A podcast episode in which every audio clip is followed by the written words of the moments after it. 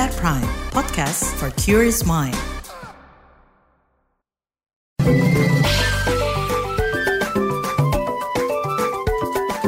WhatsApp Indonesia.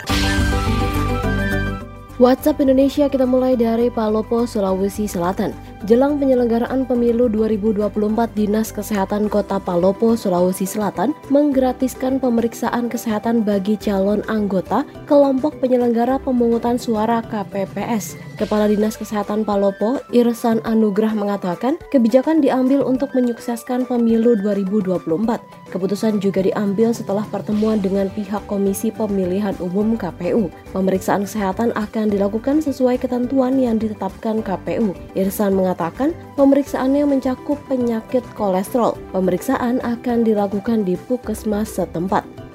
Selanjutnya menuju Palangkaraya, Kalimantan Tengah, Pemkot Palangkaraya menyubsidi ongkos angkutan distribusi beras. Langkah ini dipuji anggota DPRD Komisi B Palangkaraya, Kemal Naseri. Kemal menilai langkah ini sangat penting untuk menstabilkan perekonomian di wilayah Palangkaraya lantaran menjaga stabilitas harga beras sangat penting dan berdampak langsung pada masyarakat. Diharapkan kebijakan menyubsidi ongkos angkutan beras mampu menekan kenaikan harga beras jelang Natal dan Tahun Baru Nataru 2024. Namun Kemal meminta Pemkot Palangkaraya juga memperhatikan komoditas-komoditas khususnya kebutuhan pokok lainnya.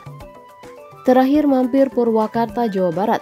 Sekretaris Daerah Sekda Purwakarta Norman Nugraha meminta seluruh pengelola wisata di wilayahnya bersiap menghadapi dan menyambut wisatawan selama libur Natal dan Tahun Baru 2024. Tidak hanya menyambut, pengelola juga diminta memitigasi kondisi dan potensi bencana di sekitar. Lantaran Natal dan Tahun Baru identik dengan musim hujan.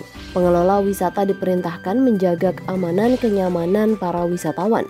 Selain itu, Norman berjanji akan menjalankan tugas monitoring dan memastikan protokol keamanan dijalankan. Tercatat di Purwakarta ada 62 destinasi wisata, di mana 30 di antaranya adalah wisata alam dan buatan.